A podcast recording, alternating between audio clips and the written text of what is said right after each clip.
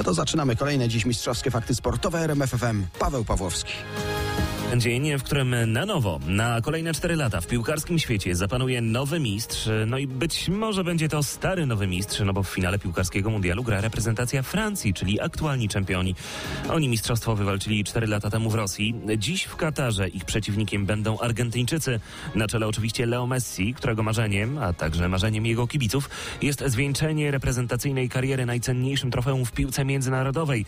35-letni gwiazdor i legenda futbolu w swoim dorobku nie ma jeszcze tylko Pucharu Świata. Błysk Messiego w każdej minucie meczu pokazuje na tych mistrzostwach, że jest fenomenem. Do tego inni zawodnicy, którzy grają naprawdę na, na wysokim poziomie i oni potrafią forsować tempo do końcowych minut. Tak Argentyńczyków ocenia były reprezentant Polski Tomasz Kłos. Początek finałowego meczu o 16. Relacje na naszej antenie.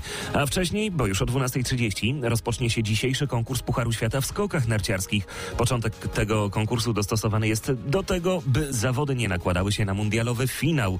E, Półtorej godziny wcześniej oczywiście wystartują kwalifikacje, a my czekamy na to, co zaprezentuje m.in. Dawid Kubacki, który wczoraj był drugi.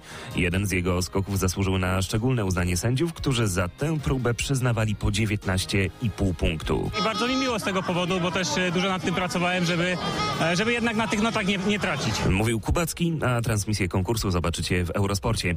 No a my będziemy czuwać jeszcze nad wydarzeniami w polskiej siatkówce i w polskiej koszykówce.